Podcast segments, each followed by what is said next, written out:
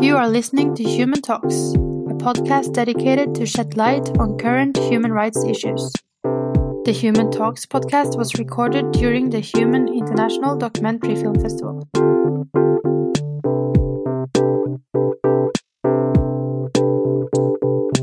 Hører dere meg? Ja. Hallo. Nå er jeg også på. Teknologien virker. Nå fungerer jeg også. Tror ikke jeg Jo, nei. Ja, jeg bare begynner litt, grann, jeg, siden vi nå allerede er litt på overtid. Dere har sikkert ting dere skal gjøre etterpå i dag.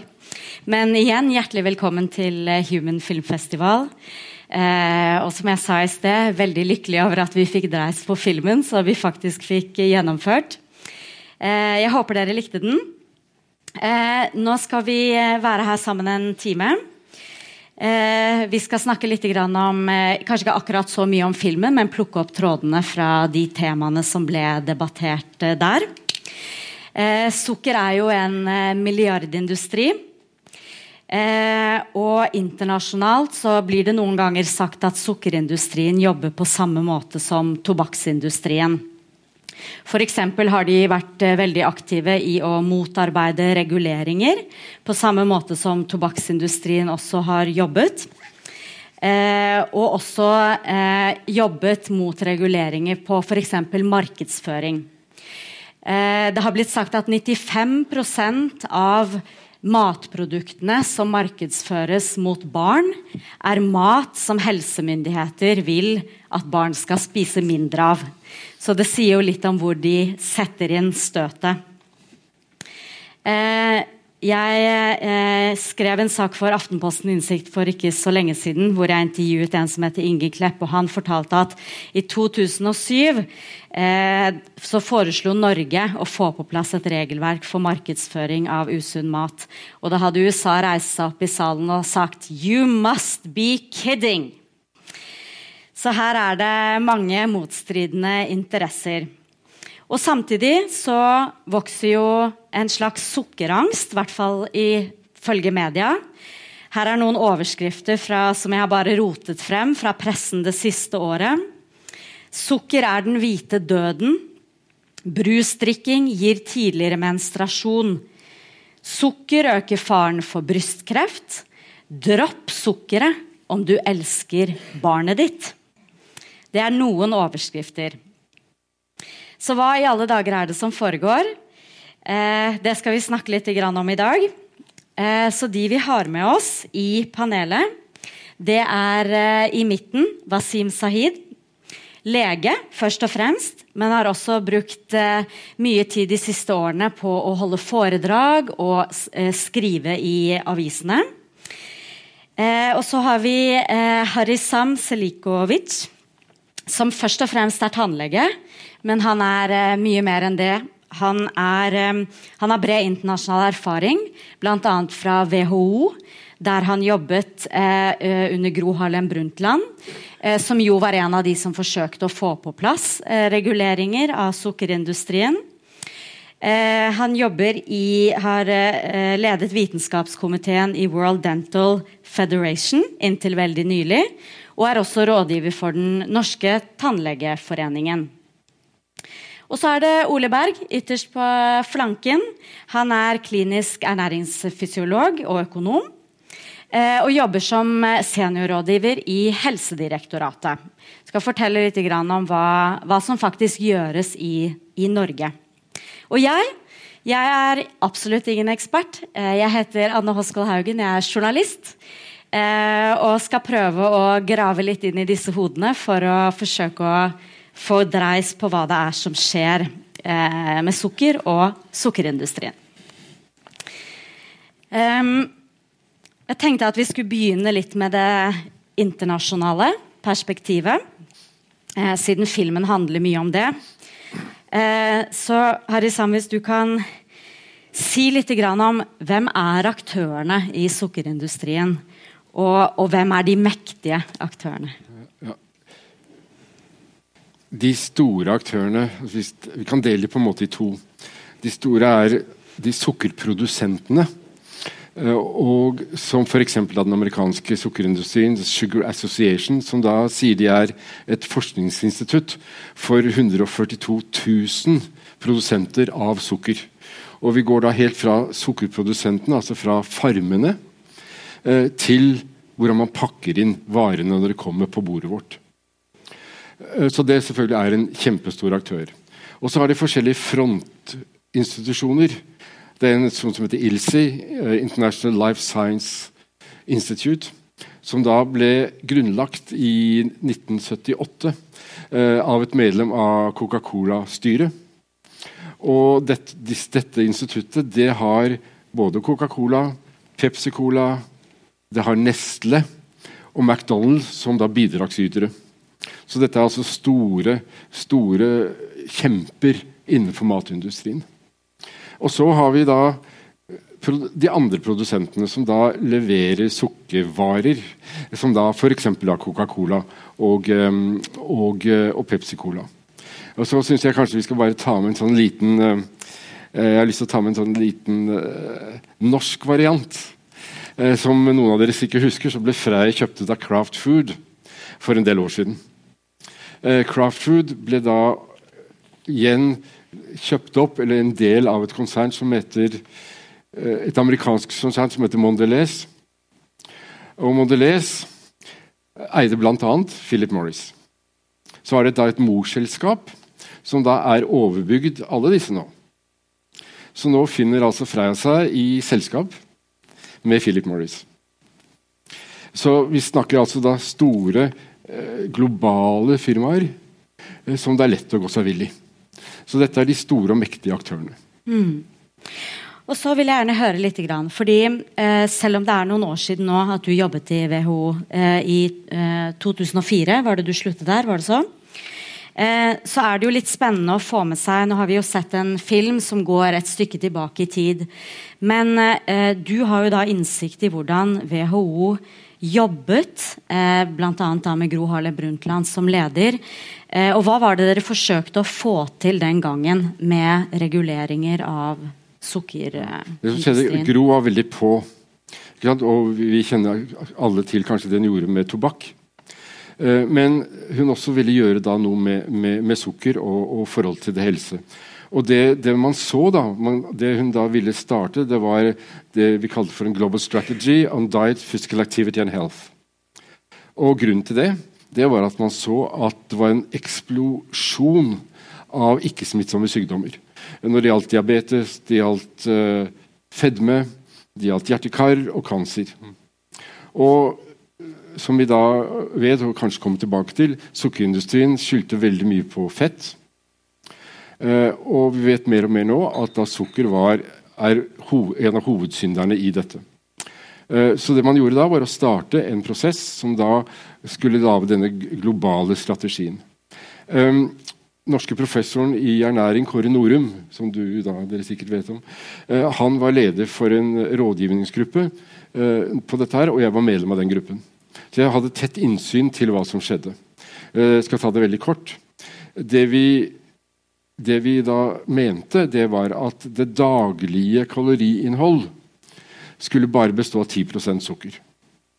Sukkerindustrien gikk bananas. Helt gale, helt ville.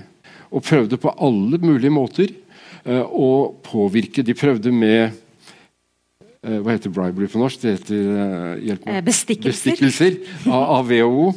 Uh, de, de, prøvde å få inn ILSI, altså den organisasjonen som jeg nevnte, som en NGO, altså en, en frivillig organisasjon eh, i WHO, når de ikke klarte.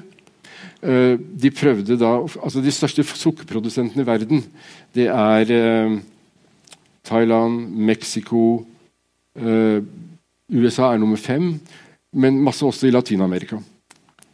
Eh, så dette var i 2003-2004.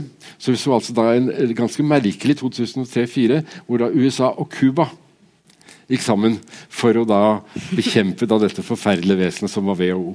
Mm. Um, man gikk så langt så den amerikanske sukkerindustrien gikk til to senatorer, uh, som da truet uh, Gro Harlem Brundtland eller WHO å fjerne all amerikansk støtte til Verdens helseorganisasjon. Og man brukte altså, Jeg bare, har lyst til å bare lese veldig, veldig raskt fra Guardian. The sugar industry in the US is threatening to bring the world Health Organization to its knees by demanding that Congress end its funding unless WHO scraps guidelines to healthy eating. Og dette var altså da 10 Eh, Så dette var en ganske stor fight. Og, og, og det var bare en veiledende Et råd, dette med Ja, at det er råd, men den, ja, ja og nei. Nei. Det var et råd, men den ble altså da siden uh, adaptert godkjent av Verdens helseforsamling. Ja. Så det vil si at alle land som er medlem av FN eller WHO, godkjenner den. Og da må de da om, om det er en konvensjon, det er mulig at en jurist kan hjelpe meg med det. Hvis det er en konvensjon, så er den juridisk bindende. ja. Men, men det er i hvert fall da en, et sterkt råd om å følge. Men eh, de kom jo med råd. De gikk jo ut. altså Truslene Ja. førte ikke frem. Nei, den førte ikke frem. Nei. Så, så det ble rådet i 2004 var maks 10 Det er av eh, kostholdet ditt skulle bestå av sukker. Av korinholdet kaloriinnholdet. Det Mm. okay. Takk for det, eh, Wasim Saeed. Da går vi over til deg. Eh, det ble jo påstått eh, ble jo stilt et spørsmål i filmen flere ganger. eh, hvor denne legen, som er en av hovedpersonene i filmen, han slår fast at 'sugar is toxic', sier han. Og det, det gjengir de jo flere ganger i filmen. Ehm, og du er jo lege. Du jobber med pasienter som eh, Du er kardiolog. Uh, og du ser dette fra innsiden. Um, sykdommene som følger med et galt kosthold. Uh, er sukker gift? Nei, naturligvis ikke. Eller ja, det er det. Det kommer helt an på hvilke mengder du snakker om. Alt er jo giftig i tilstrekkelige mengder. Også vann er giftig hvis man drikker for mye av det. Eh, litt sukker er ikke farlig. Sukker er jo egentlig eh, på en måte også bra for kroppen. Det er jo energi. Eh, når du inntar det, så får du jo kalorier som man kan bruke til de forskjellige prosessene i kroppen eller for å bevege seg eller hva som helst. Så alt handler jo egentlig om eh, mengder. Eh, det er ingen enkel matvare som i seg selv er sunn eller usunn. Eh, brokkoli er også usunt hvis du spiser veldig mye av det. Er det? Så, ja. eh, så det er jo alt handler om altså, En matvare i seg selv kan ikke være sunn eller usunn. Det er hva du spiser totalt sett over tid. Det vi kaller for kostholdet ditt, som kan være sunt eller usunt.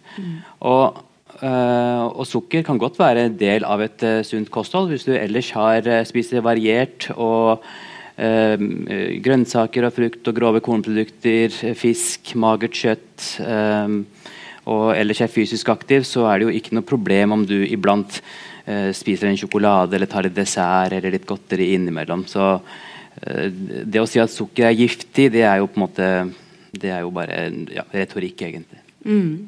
Men eh, noen av disse overskriftene da, som jeg leste opp i sted, som har vært i norske medier i det siste, og av de så kanskje er eh, eh, den sterkeste, da, som vil treffe i hvert fall eh, foreldre hardt, det er dette 'dropp sukker om du elsker barnet ditt'. Mm.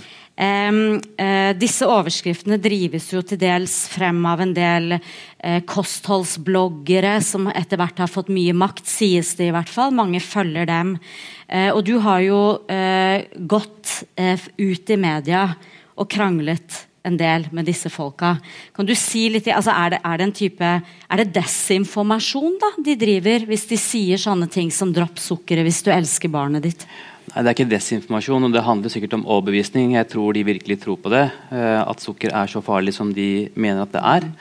Eh, og så tror jeg også at det, altså en, en sånn overskrift uh, Jeg vil tro at hvis du leser resten av artikkelen, så handler det ikke om foreldrekjærlighet og sukkerinntak.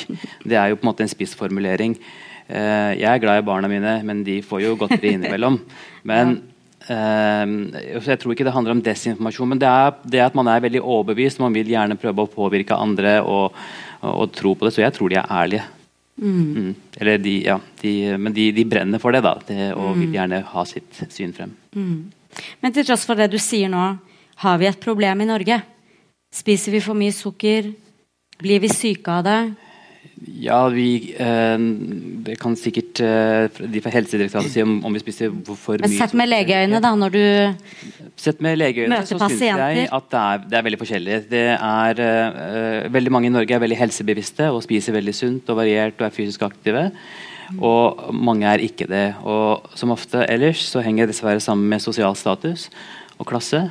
Uh, og uh, jo, jo, mer utdannede og de med høye inntekter og statusyrker er flinkere til å spise sunnere og være aktive, mens da i lavere sosiale lag så er det nok mer usunt. Uh, men å snakke om at vi har et stort problem i Norge med sukker, det er ikke slik jeg ser det. Vi har jo fortsatt vi har i lang tid hatt en befolkning som, blant, altså, som lever lengst i verden omtrent. Mm. Blant de.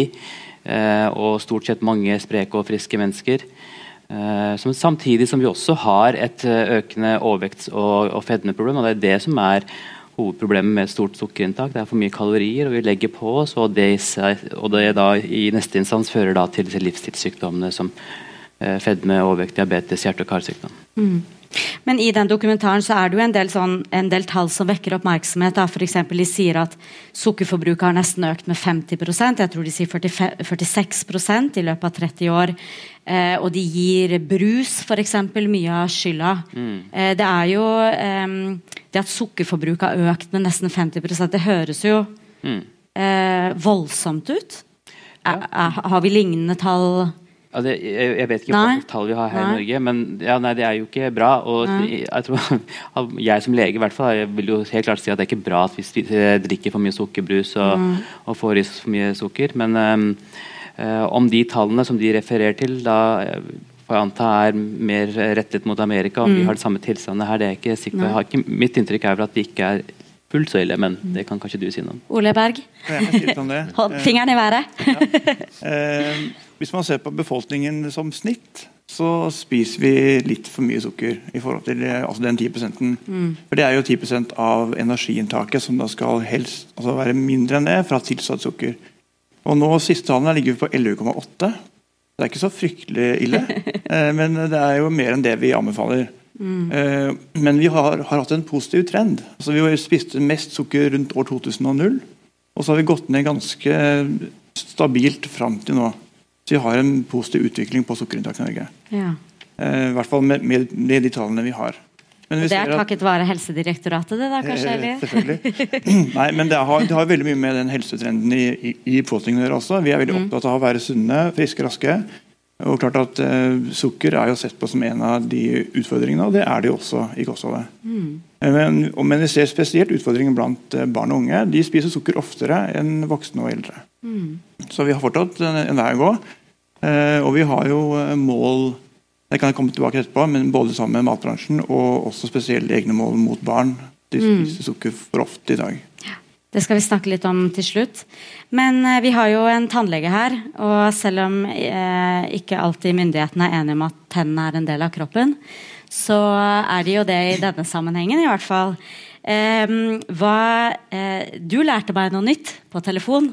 Du sa nemlig at uh, den eneste grunnen til at man kan få hull i tennene, det er sukker. Ja, Det er helt riktig. Det er helt riktig. Eneste, vi er alle født med Sekundet vi er født, så overføres noen bakterier annet som heter transmutans, fra mor til barn. Du kommer til å oppleve selv. Ja. Tre måneder igjen. ja. Um, og, eh, og det har vi alle sammen. Mm. Uh, men uten sukker så får vi altså ikke hull i tennene. Det er ingen karies uten sukker. Da skjer en prosess hvor, hvor det blir dannet syre som angriper emaljen, og så får man altså hull i tennene. Så uten sukker ingen karies. Um, når, det gjelder, når, det gjelder, tannsykdommer, så uh, Verdens helseorganisasjon har laget, et, um, har laget en skala hvor alle sykdommer i hele verden, altså 291 de, av de mest vanligste syndommene i verden uh, er rangert. Mm. Nummer én er karieshull i tennene. Så Det er altså den vanligste sykdommen. Ja. hele, så Det er ikke bare i denne anledning at tenner er en del av kroppen. Den er alltid en del av kroppen. Så WHO regnes karies som da den mest vanlige sykdommen. I tillegg til det så er karies kjempedyrt å behandle. Det fins land i verden som, som, ikke har nok utstyr, som ikke kan behandle. Så det er ikke bra nok forebyggende tiltak. Så uten sukker ikke noe. Så nå er det også riktignok sånn at eh, i Norge så er altså da kariessituasjonen bedre enn den har vært. Men Og det er pga. flor. Ikke pga. nedgangen i, sukkerspising, som vi har fått vite nå. Den er all, all, fremdeles høy. Eh, men, men, men i områder f.eks. i USA og i Afrika, hvor det er steder hvor man har naturlig flor, så kommer det allikevel karies. Mm. Så, så, det å, så tannhelse og sukker er meget nær tilknyttet til hverandre. Mm. Okay. Bare én, ja. lov å si en ting til. Si så mye du vil. Når det gjelder, da, for jeg da, da beveger jeg meg litt inn på ditt område. Eh, og det er at det som vi er mer og mer opptatt av for tiden, og også at, at tenner er en del av kroppen, det er å se på ris risikofaktorer. Og vi ser på, og det tror jeg vi alle gjør, at risiko, altså sukker er en risikofaktor. Både for tannsykdommer, men også for helse generelt. Så det vi, vi, har et ord som heter common risk factor approach. Altså det er risikofaktor for fedme, det er risikofaktor for diabetes osv. Så, videre. så hvis man da kan kontrollere sukker, men det kan være også alkohol og tobakk, eh, kontrollere disse risikofaktorene, så kan man altså forebygge mange andre sykdommer. Mm. Bare si en liten kommentar. Det, det, du mener da selvfølgelig er at for mye sukker er en risikofaktor. Ikke sukker alene i seg selv. For det blir akkurat som å si at bare det å ha et blodtrykk er en risikofaktor for hjerte- og karsykdom eller hjerneslag. Det er ikke det. Høyt blodtrykk er risikofaktor for hjerneslag. Så det er for mye sukker som er problemet. Ja, er... Litt sukker, da, blir, da, er det ikke snakk om risikofaktor. Ja, Det er riktig, men i seg selv så er sukker En røyk i uka eller et er ikke en risikofaktor. Nei. Ikke sant? Så, og, men når det gjelder tannsykdommer, for eksempel, så er det et logg-lineært forhold mellom sukkerinntak og, og hull i tennene. Ikke sant? Det går sånn.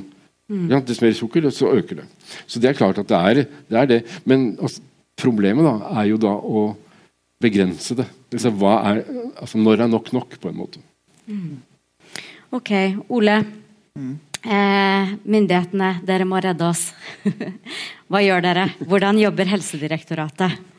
Ja, Det er et godt spørsmål. Det kan vi snakke om i mange timer. Ja. Kan, Men, du si eh, litt, kan du kanskje begynne litt med um, hvilke virkemidler dere har? da? For dere har jo et mål om at uh, nordmenn skal spise sunnere.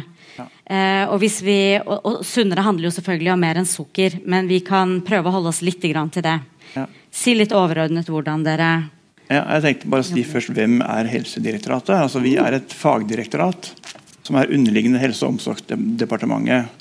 Som ledes av helseminister Bent Høie og eldre- og folkehelseminister Åse Michaelsen. Så Vi gir de, altså departementet faglige råd i spørsmål om det er alt fra pappvin, som var litt hot i januar, til uh, røyking, alkohol og andre ting. Um, og Vi er normerende på den måten at vi lager nasjonale retningslinjer. så Vi er bl.a. ansvarlig for kostrådene. Og Vi har også egne retningslinjer for mat i barnehagen, mat på skolen, SFO osv. Så, vi jobber nasjonalt med brede måte, faglige dokumenter som vi ønsker at flest mulig skal følge. Eh, og Den avdelingen jeg hører til, det er vi som måtte, sitter med kostrådene. Da, sammen selvfølgelig med alle forskerne som har eh, kunnskapen. Og prøver å forfatte det på en god måte. Og I Norge så er jo sukker en av utfordringene hvis man ser på kostholdet. Så Vi spiser for mye sukker, men vi spiser også for mye salt. Vi spiser for mye mettet fett. Og vi spiser for lite frukt og grønt og bær, og for lite grove komprodukter og for lite fisk. Så Vi skal prøve å snu hele det bildet her da, til en riktig retning. Og Vi jobber da på mange plan. og En av de planene vi har begynt med nå, som er litt nytt, er et bredere samarbeid med matbransjen. Og Det er litt aktuelt her i dag. Så Vi har etablert en intensjonsavtale for et sunnere kosthold mellom myndighetene, som er med helseministeren, som signerte avtalen. Altså Det er departementet som har signert på toppen. Og så er det med mot bransjen, matbransjen. Som er definert som produsenten av mat, leverandøren av mat, dagligvaremarkedet og bransjeorganisasjonene, men også nå serveringsbransjen. Så vi har fått med oss kantineoperatører, vi har fått med oss uh, reiseliv, altså første hotellkjeda med, og hele KBS-markedet. Uh, det er et stammespråk for kiosk, bensin og servicehandel, dvs. Si YX, Circle K osv. Da begynner vi å dekke ganske store deler av matmarkedet i Norge. Og Det som er spennende med det, er at uh, alle som signerer, de signerer på at de støtter opp under kostrådene våre. Og at de målene vi skal få til sammen, som er satt i fellesskap med bransjen, er å redusere sukker, redusere salt, redusere mettet fett og øke frukt og grønt, grovt og fisk. Og Det som jeg synes er litt fascinerende med det, er at faktisk fordi Man har jo gjennom studier lært at matbransjen er slem, og i hvert fall de store. Men i Norge, i hvert fall i Norge, som vi er litt mer sånn uh, snillere kanskje her, så har hele bransjen tilsluttet seg det felles målet om at vi skal trekke befolkningen sunnere nærmere kostrådene. Mm. Og det er litt kult. Um, Men likevel ville ingen av dem stille opp her i dag. For jeg har jo prøvd å få med mange forskjellige bransjer. Eh, ingen har sagt direkte nei, men de har sagt 'vi kan ikke', 'det passer ikke' osv. Eller bare ikke svart på henvendelser. Eh, og da blir jeg også nysgjerrig, fordi jeg får jo også inntrykk etter å ha snakket med deg på forhånd at Norge vi er, vi er, liksom alltid best i klassen, vi. Men det må jo være noen konfliktlinjer. F.eks. så eh, En av de jeg snakket med da, mye på telefon, men som da dessverre ikke kunne komme, var eh, Tine. Og jeg ser jo ut fra deres nettsider, det er ikke noe hemmelig, de eh, viser jo i hvert fall til et eh, stort arbeid da, for å redusere sukker i maten. Um, og så snakket jeg også med det som heter NHO Mat og drikke. Og da sier jo de at det er jo vanskelig for bransjen fordi matens, folk kjøper jo det de syns er godt. Eh, og når du reduserer sukker eller eventuelt fett, så smaker ikke maten så godt lenger. Mm. Og så selger de ikke produktene. Og hva, og hva gjør de da? Så hvordan finner man den uh, ja, Var en hånd i været? Ja, altså Bare en sånn kommentar. Altså man, man, før så spiste man enda mer salt enn man gjør nå. Og Det, man, det myndighetene klarte, det er å få salt, produsentene til å redusere salt i maten. Så ikke saltsuget ble så stort. Mm. Så det går an å finne veier til det også. Ja. Ja, altså En av de store målene med den avtalen er jo å gjøre de bitte små endringene som man egentlig ikke merker. Hvis, Lure oss ja, til måte, å spise sunnere? Vi, vi, vi, altså, vi, jobber mye med kommunikasjon. Vi har masse kampanjer ute, vi har masse media og snakker um, om kostrådene. Og de vi når, er de som er opptatt av kosthold og helse.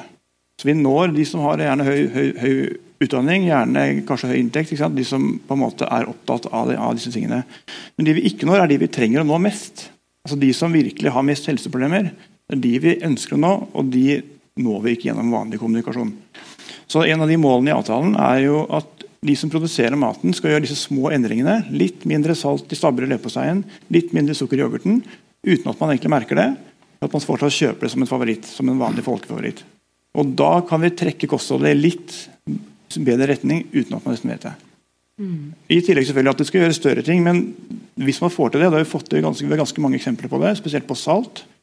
Um, da får man en god dreining som er, en, som er, viktig for folkehelsen, altså hele befolkningen, og ikke bare de som er opptatt av helse. Mm. Hva med markedsføring? Jeg sa innledningsvis at eh, det i hvert fall blir sagt at 95% av markedsføring mot barn og unge når det gjelder matvarer, er matvarer myndighetene vil at vi skal spise mindre av. Eh, hvordan er det dere jobber med, med den biten? Mm.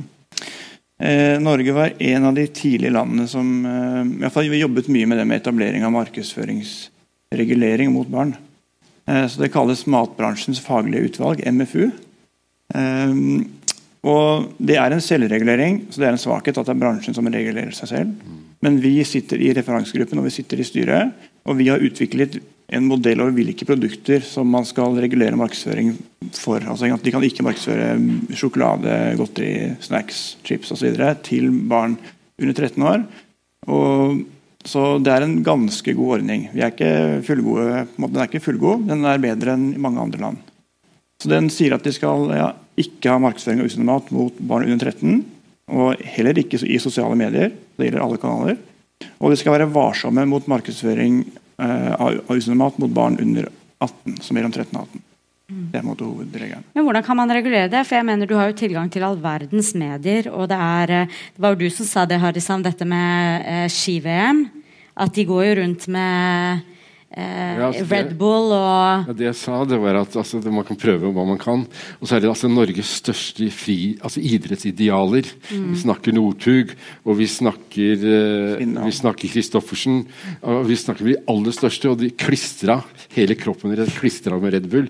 Og Red Bull, energidrikker som vi har snakket om før, det er både da, koffein, og det er syre, og det er sukker. Mm. Så, så var det helt på slutten av filmen så var det en som sa We don't want our government in our on a breakfast table. Yeah. Og sagt, altså, det er allerede en annen som er der, som er da enda farligere enn en, en, en regjeringen i frokosten bor. ikke sant? Så, så det er klart at uh, dette er en uh, ganske stor, tøff kamp. Ja. Um, eh, du har fortalt meg at akkurat i disse dager så er det noe som heter Sukkerutvalget. Mm. Som er i ferd med å eh, utrede hvordan man skal få på plass Eller hvordan, hvordan sukkeravgiften skal eh, utformes i Norge. Og alle som har eh, lest nyheter de siste årene, har jo fått med seg at eh, den sukkeravgiften har skapt mye bråk. Så det må jo bety at eh, næringen er ikke bare koselig og vil samarbeide med myndighetene. De, de vil jo ikke ha denne avgiften. Mm. Kan du si noe om både Sukkerutvalget og, og hva, hva, de protesterer mot? Ja, jeg kan prøve å ta litt historie på det. Altså, intensjonsavtalen som vi har nå med matbransjen, er en frivillig avtale. Man, man, binder seg til å jobbe mot de felles målene vi har satt. Og For en produsent av sukkervarer så er det selvfølgelig sukker man skal jobbe mot. Da skal man ikke jobbe mot uh, salt eller mettet fett, for det har man ikke i sin portefølje. Um, og det som er Målet er å se om frivillig samarbeid fører til bedre effekt enn vanlige tradisjonelle altså avgifter og vanlig politikk. Men det vet vi ikke. Eh, så vi, vi, vi, tror at samarbeid fungerer, i hvert fall i Norge. Det, vi, vi, har sett at, bransjen er ansvarlig, eh, men vi vet ikke om det funker. Men vi vet at avgifter funker. WHO sier at vi bør kjøre på med avgifter. Og vi ønsker å teste også om frivillighet funker. Så Vi har en, en, ekstern evaluering av hele avtalen gjennom hele perioden for å se om dette faktisk fungerer. Men for å gå tilbake til avgiften, så har det vært en særavgift på både sjokolade- og sukkervarer og alkoholfrie drikkevarer siden 1922. Så det er ikke helt nytt.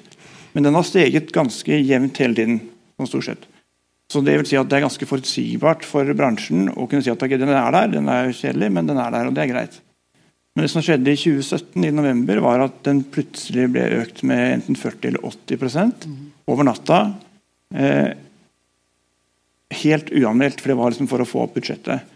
Og det som var litt synd, var jo at da har vi akkurat signert dette samarbeidet, ikke sant?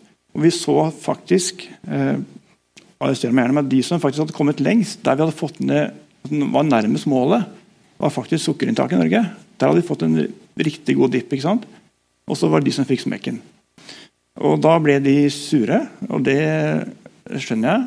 Eh, så Det som, er, det, det har ført til, for min del, som jobber med dette samarbeidet, er at alle aktørene som produserer sukkervarer, de har trukket seg fra samarbeidet. Så nå har vi ikke samarbeid på sukker. Men det som eh, da skjedde da i 2018, siden det ble skriverier om disse sukkeravgiftene hele 2017 og hele 2018, eh, var jo at regjeringen reverserte én av avgiftene tilbake til konsumprisjustert 2017-nivå. Det er altså sjokolade og sukkervarer. Men de beholdt avgiftsøkningen på drikkevarer. Og så har de satt ned et utvalg. Så har Regjeringen satt ned et bredt utvalg for å se på de to avgiftene spesifikt. Om man kan dreie de innrette de på en annen måte, så de kan ta litt mer hensyn til helse og ikke bare inntekt til staten. Eh, og Det er et eh, bredt utvalg med et stort mandat og veldig kort tidsfrist.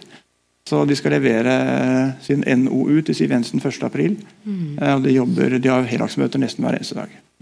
Ja. En liten kommentar bare. Jeg, sitter da i en referansegruppe til det utvalget. Um, og Du sa det var bredt sammensatt. Mm. Ja, det er det. Men det er én en eneste helseperson i utvalget, i hovedutvalget. Det er Knut Ingekløp som er en sentral helseperson. Uh, så Han har da laget sitt eget utvalg for å på en måte støtte inn til det. Uh, men det er kjempeviktig at det kommer. Så. Kan jeg få lov å si noe bare i tilknytning til frivillighet? Ja. Um, i den internasjonale litteraturen så sier de at tre veier å gå for å få regulert ikke bare sukker, men, men, men, men andre skadelige ma matvarer.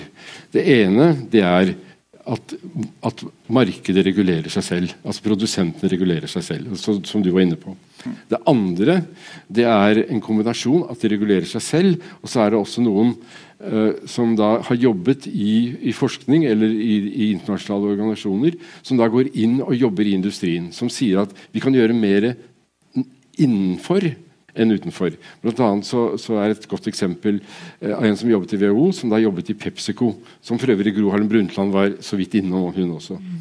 Um, og så det tredje, og det fins sentrale, sentrale, aktører som da er veldig på når det gjelder matregulering.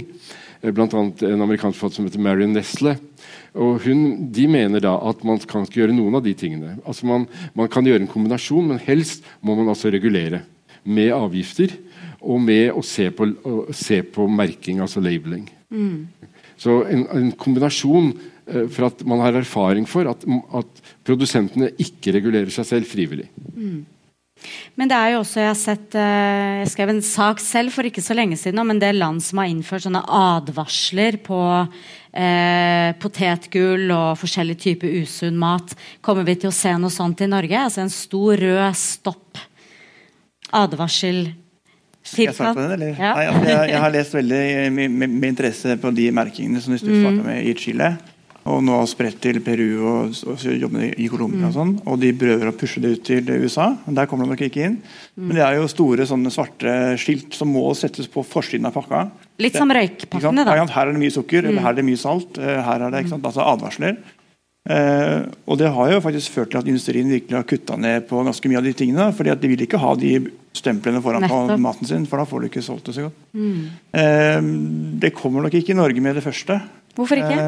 Eh, vi er underlagt eh, altså EU-regler på ganske mye altså i merking. Så vi er veldig lite frie til å ha egne merker. Mm. Det vi har i Norge, er jo det omvendte. Altså, vi er litt sånn snille. Så vi har nøkkelhullet. Eh, hvor, vi har, hvor myndighetene i Norden, altså fire nordiske land har satt seg sammen for å se på hvilke kriterier skal man ha for at et produkt i en matkategori er litt sunnere enn de andre i samme kategori. Så har vi satt felles kriterier som er ganske strenge på en rekke kategorier. 33 eller sånn. Um, og som viser at hvis man velger det produktet med nøkkelhull, om det er et brød eller om det er en melk, eller hva det er, så får man en, en sunn variant av den kategorien mat. Mm. Da får man stimuli til å velge sunnere. Man, trenger, man treffer alle uten man trenger ikke å ha noen bakgrunn innenfor helse for å skjønne at nøkkelhull er bra. Um, og Det funker veldig bra. Og Vi ser også at det er mange produkter i markedet nå i Norge som, som, har, som er merket. da. Mm. Og det, vi ser at Når vi spør forbruker, så er det mange som sier at de bruker nøkkelhullet for å velge. Skal du kjøpe en frokostblanding, så tar jeg den med nøkkelhull. Det er sikkert ikke supersunt, men det er litt bedre enn de andre. Mm. Mm. Det, så vi er litt omvendt da, foreløpig. Uh, ja. eh, Wasim, eh, i filmen så er det mye fokus på Eh, dette med eh, forskningsrapporter som er eh, Jeg vet ikke om jeg kan bruke ordet forfalsket, men de er i hvert fall sterkt påvirket av, eh, av matbransjen. Eh, det er eh, leger som går god for at f.eks. sukker ikke er så skadelig som andre påstår at de er, osv. Eh, og som lege selv Eh, du representerer jo en legestand. Det, kan vi stole på leger? Når de, hvis jeg, jeg har jo veldig respekt for sånne yrker. Hvis jeg leser noe i avisen, f.eks. som du har skrevet, og det står at du er lege, så stoler jeg jo på det. Og så ser man dokumentarer som dette, og så tenker man sånn ja, men hva, Hvem har betalt deg for å si at sukker ikke er gift i dag? Eh, altså, hva, hva, tenker du om det? Altså, jeg mener, Du leser jo sikkert mye, mye eh, altså, rapporter selv. Du leser deg opp på ting gjennom studiene dine. Leste dere all verdens eh, ny forskningslitteratur. Hvordan forholder du deg til denne verden av eh, juks, egentlig? Ja, uh, For det første, så var jeg, i og med at du nå var innom det, så får jeg bare si at jeg har aldri tatt imot betaling fra noen i matvarebransjen. eller noen andre for å si noe. Ingen anklage. uh, og uh, ja, Dette her er jo et veldig stort spørsmål. Um, for det første så skal jo enhver som er akademisk trent og er akademisk utdannet, ha en kritisk sans i møte med all forskningslitteratur. Eh, skal se på det med skeptiske øyne, finne metodiske feil, finne svakheter. Og, det er sånn, hver gang jeg leser en uh, ny artikkel, en ny forskningsartikkel som er publisert selv i de beste tidsskriftene, så har jeg en sånn slags, et, slags, et slags instinkt at min første tanke er å prøve å finne en eller annen feil i denne artikkelen. For å finne en svakhet. Hva er det som kan gjøre at jeg kan kritisere denne artikkelen for å være ukorrekt? Eh, så Det er det ene, og det må alle som driver med, med vitenskap og akademia, det, uh, ha det. Og også generelt i befolkningen kritisk sans. Og så er det der Har matvareindustrien, matbransjen, påvirket forskningen for å fremstille sine produkter i et uh, bedre lys? Utvilsomt ja. Det har de gjort. Det går frem av den eh, filmen der. Det er også skrevet mye om eh, før også. Eh, at det har de gjort. Eh, men så er spørsmålet i hvor stor grad har det påvirket f.eks. rådene fra Helsedirektoratet eller fra meg som lege eller andre ernæringsautoriteter?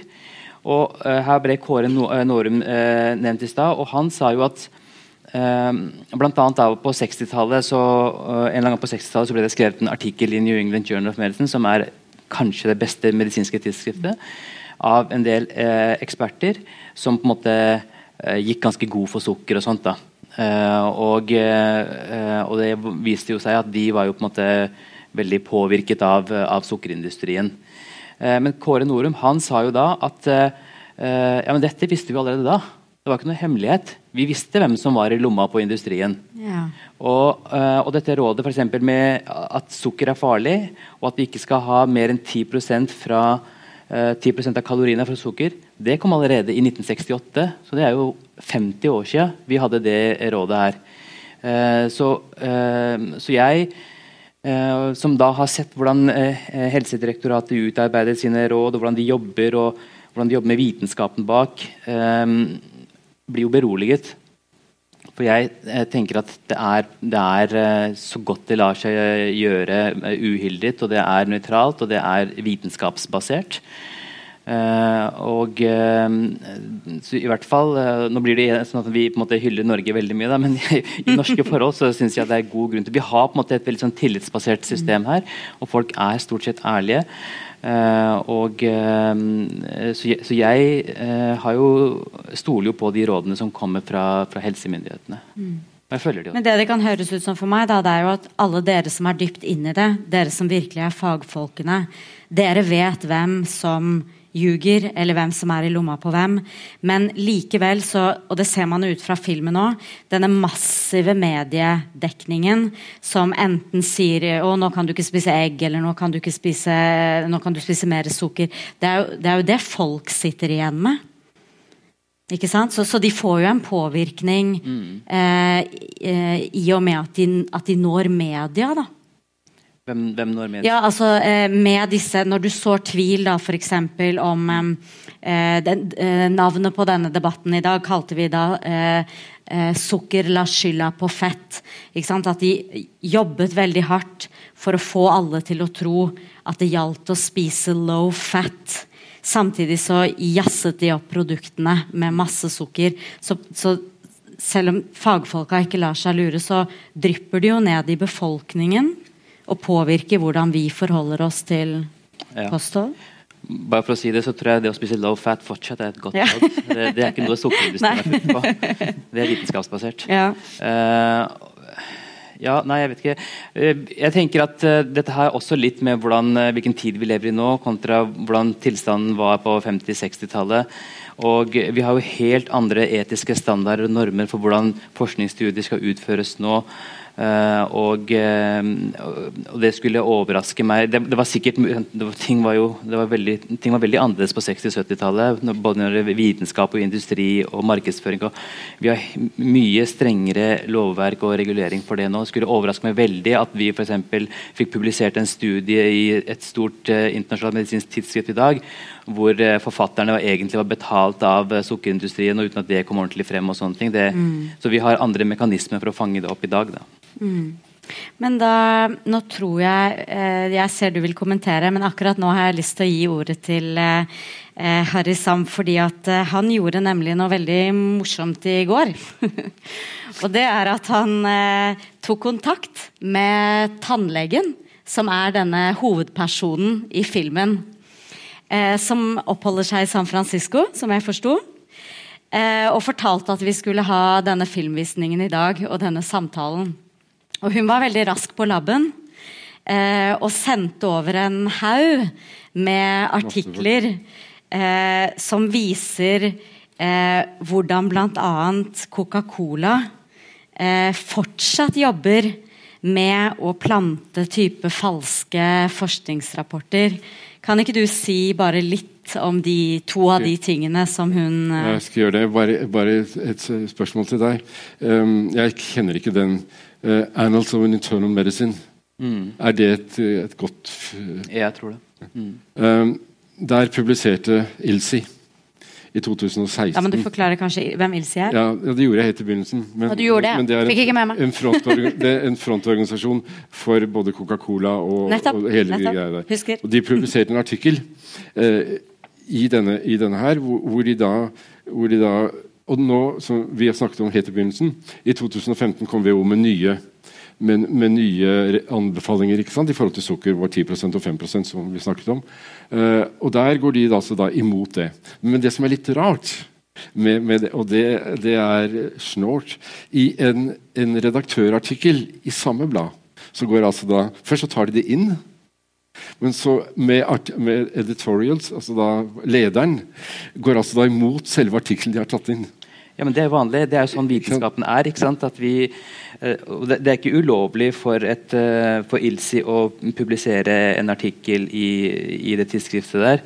Eh, og det er jo sånn vi skal ha det. Hvis de har lyst til å komme med sin side av saken, så skal de få det. Og så er det da en debatt. Det er vurdering av artikkelen, og, og editorialen kan jo kritisere en artikkel de publiserer selv. Det er vanlig. Det, jeg er helt uenig i det.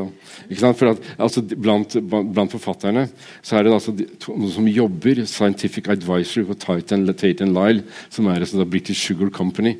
Ja. Ikke sant? Så, og, og Hvor de da kritiserer da WHO. Så, jeg, så jeg, jeg, jeg er i hvert fall uenig i det. Men det er veldig bra at de går imot. da, ikke sant? Så det er Ja. bra. Det er, de har jo lov til å publisere, de også. Så Ja, de har lov det, til må- imøtegås med ordentlige argumenter, sånn som den, eh, redaktøren da gjorde. ja.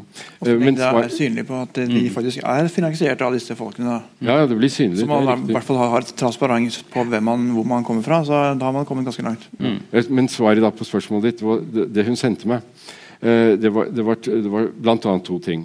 Um, I California var det fire byer tror jeg, som hadde da innført en sukkeravgift. Men så har de et system i USA.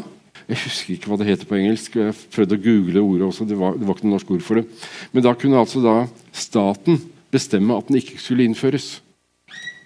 Så, med bakgrunn da på da sukkerindustriens ganske harde pushing med å ikke støtte forskjellige ting i staten, så trakk de den tilbake. Og det andre, eh, som også da skjer nå, det er da igjen er det Ilsi. Ilsi, men med Coca-Cola, de har klart å komme inn i Kina. Og, hvordan, og, og det er altså nå relativt nylig. Eh, enormt marked, selvfølgelig.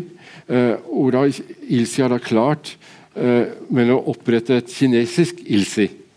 Eh, og, og, eh, og komme ganske nært og betale til eh, helse, altså helsepersoner i den kinesiske helsedepartementet. Ja, og dette foregår nå. Ikke sant? Og, og jeg, tror, jeg tror jeg til og med skrev det opp, for jeg syns det var så godt. Eh, eh, filosofen George Santiana han, han sa følgende Those who cannot remember the past, condemn to repeat it. Og jeg syns vi er her igjen. Jeg synes altså ikke da industrien har stoppet. Og det er naturlig at de ikke stopper, for de skal tjene penger. Og, det, Og nå har de funnet et nytt og det, nå har de funnet da et nytt marked. Eh, men som, som dere to begge sier, som jeg er 100% enig i, det er at altså, vi lever i Norge, så er det annerledes. Eh, men, men, men, men ikke sant? det er mange ting som da også skjer hvor vi tar oss inn over oss i Norge. Da har jeg lyst til å åpne opp for eh, spørsmål fra dere. Hvis dere brenner inne med noe.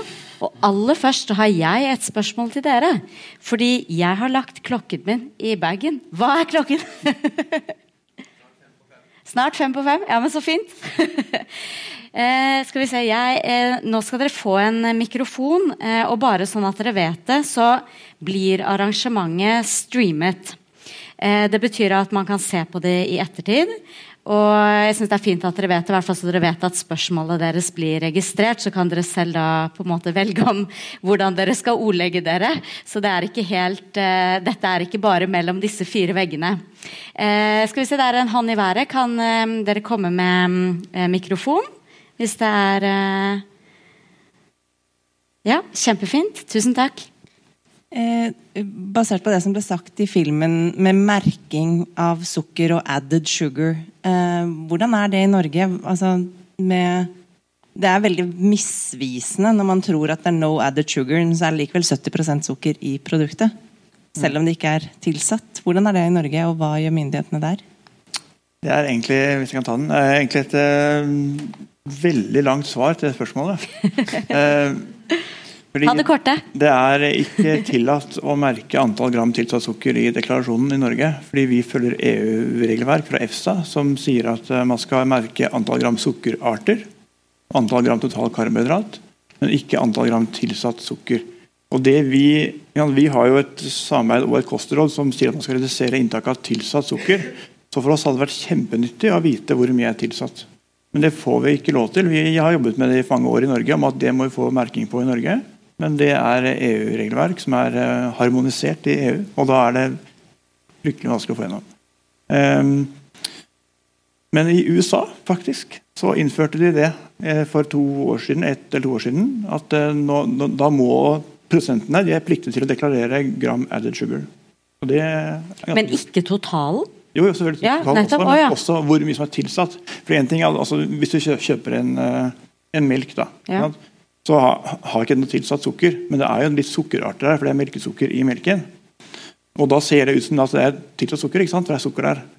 Men det er ikke tilsatt. Og det er naturlig sukker i en matvare, samme som i en banan eller et eple. ikke sant? Og Det er ikke det som er farlig. Det som er farlig, er hvis man dytter på masse sukker på et eller annet produkt. Og man faktisk kan velge hvor mye man skal sette til. Det er ikke bra. Men det får vi ikke lov til å merke i Norge. Dessverre. Det var det korte svaret. Jeg kom bruke lang tid på det. Fint. Tusen takk. Jeg syns jeg så en hånd eh, til. Ja? Ja, eh, jeg vet ikke helt om dette eh, er i kompetanseområdet for en av dere i panelen, men jeg tenker litt som en, For match av den helsetrenden som skjer nå, så er det mange som ersetter sokker med søtningsmiddel.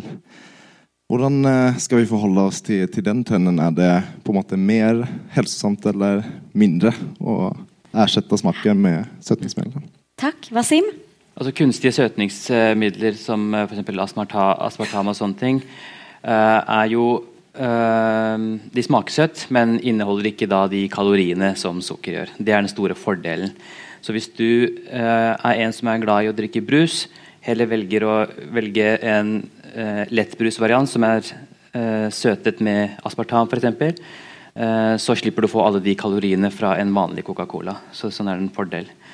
Eh, og sånn sett så er jo det da Helst bør du jo velge vann hvis du er tørst, og drikke det. Men skal, og det å få alle i Norge til å drikke vann, det er alltid det er ganske urealistisk. Men hvis vi da heller kan få de til å drikke kunstig sukkerbrus, så har man i hvert fall gjort en forbedring der. Slipper å få i seg det sukkeret. Eh, ellers er det jo en stor, eh, har vært en lang tid en stor debatt om eh, aspartam, om det er uh, noe skummelt og farlig. og sånt. Nå, det som er å si om det, det er det næringsmiddelet som det kanskje har forsket aller mest på. Og man har ikke klart å vise noen negative helseeffekter av det, selv ved relativt stort inntak av aspartam. Mm. Men hva med tenna, da, når du drikker sukkerfri brus? Er det noe bra? Det er kjempebra. Nei, nei, um, nei um, altså Det som er problemet, da, det er at uh, det er masse syre. Mm. I, i pH-skalaen som går fra 0 til 14. Uh, og når vi snakker i munnhulen, mm. snakker vi ca. en pH som er mindre enn 5-5,5. er ikke bra.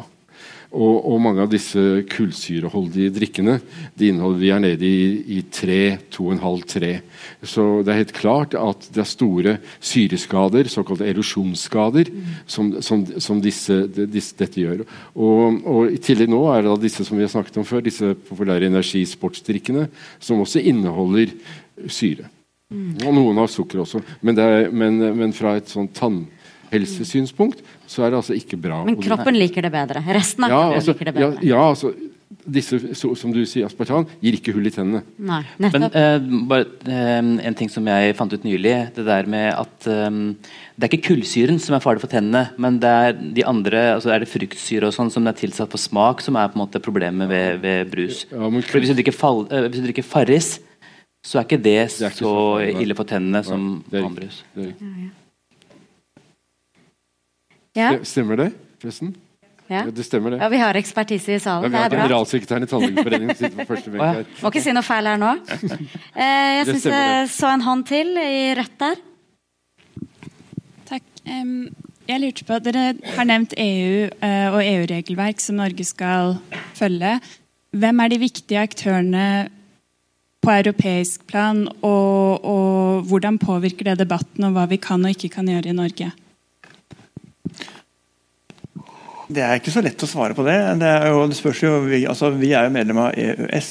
Eh, og gjennom EØS-medlemskapet så må vi også følge en EU-regelverk hvis vi ikke har veldig særnorske til, altså, ting som gjør at vi kan ha andre regler, sånn som ostetoll har vært. og sånn. Um, og hvem som påvirker, det spørs jo hvem du, altså vi snakker om sukker nå, da, så er det klart at eh, det er jo mange store aktører. altså Nestlé er jo sveitsisk. Coca-Cola European Partners. De, jo, de, er jo et amerikansk brand, men de har jo store kontorer i Europa. De har selvfølgelig interesse for dette. Og det er jo egne regelverk som ligger til grunn for når man skal merke mat, og hvem som har lobbyert inn på hva som skal gjelde der, der er det nok ganske mye industri. Og Der tror jeg vi kan rette noen kritiske blikk. Fordi at, eh, Hvis jeg kan få ta den for Grunnen til at vi må definere sukkerarter og ikke tilsatt sukker, er at hvis, man, hvis, vi hadde, hvis, vi hadde, deklarert tilsatt sukker, så hadde vi fått en mye mindre mengde gram man kunne hatt per matvare. Og da vil, Når man skal da opp i antall prosent av maks anbefalt, som de har denne GDA-merkingen, så ser det ut som at sukker i brus har veldig stor andel opp mot maks dose. Men når, når, da noen jeg vet ikke hvem, har lobbyert inn at vi skal heller merke sukkerarter, så er det et mye større spenn enn bare tilsatt sukker. Er sukker i frukt, sukker i melk og sånne ting, som gjør at det er en høyere mengde.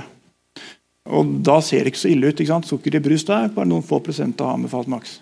Uh, og Der er det helt sikkert uten at jeg vet det, vært masse lobby inne i bildet, for de har store påvirkninger. Mm. Si. Ja. For Det er et veldig interessant spørsmål. Jeg mener Vi snakket om i sted med det merkingen som de har gjort i Chile bl.a. Mm. Eh, og du sier at det kommer ikke i Norge. Da tenker jo jeg også umiddelbart at det er jo noen som ikke ønsker at det skal komme i Norge. da. Eller at ikke kommer jeg i, i, Europa. Jeg tror i hvert fall, altså jeg, Det er ikke helt mitt bord, da, men Nei. det er veldig vanskelig å innføre. Mm. Men, men, jeg syns er applaud applauderer det egentlig veldig. Mm. Men jeg har bare lyst til å si en ting i, forhold til det. Vi blir jo ansett som veldig godtroende i Norge, siden vi har samarbeid med matbransjen på så bredt, og til og med har med Coca-Cola som partner. Eh, men det vi, noe av det viktige her er at det er myndighetene som eh, sitter i ledersetet. Det er ministeren som leder de største møtene med næringslivslederne. Og sitter vi i direktoratet og leder det koordinerende arbeidet. Så vi har kontroll på papirene. Og Vi sørger for at alt vi skriver av referater, det publiserer vi, det ligger ute på nett. Hvis dere søker på intensjonsavtalen på internett, så kommer det til nettsiden til avtalen, hvor hele avtalen ligger. Alle målene, alle aktørene som er med. Om de er med på sukker eller på salt. Alt ligger ute. Så det sørger for at vi, vi, vi klarer, altså det, er, det, er, ikke noe ugler i mosen her. på en måte. Vi jobber veldig transparent, og det tror jeg er kjempeviktig for å få til noe. Ellers så kommer det, er det lett å angripe. da. Mm. Da er det sånn at uh, tiden vår er ute. Et uh, aller siste spørsmål, Wasim. Uh, sukkerfrie barnebursdager eller ikke? Bursdag har du bare én gang i året. Så om du serverer sukker der eller ikke, spiller ingen rolle for hva du spiser og drikker resten av året. ok. Tusen takk dere for at dere ville følge med oss i dag. Eh, håper dere likte både filmen og debatten. Og Vegas Scene, ikke minst. Dette er jo et ganske nytt sted, så kanskje mange ikke har vært her før. Eh, da gjenstår det bare å si tusen takk eh, for oss, og gi en liten applaus til eh, de tre deltakerne.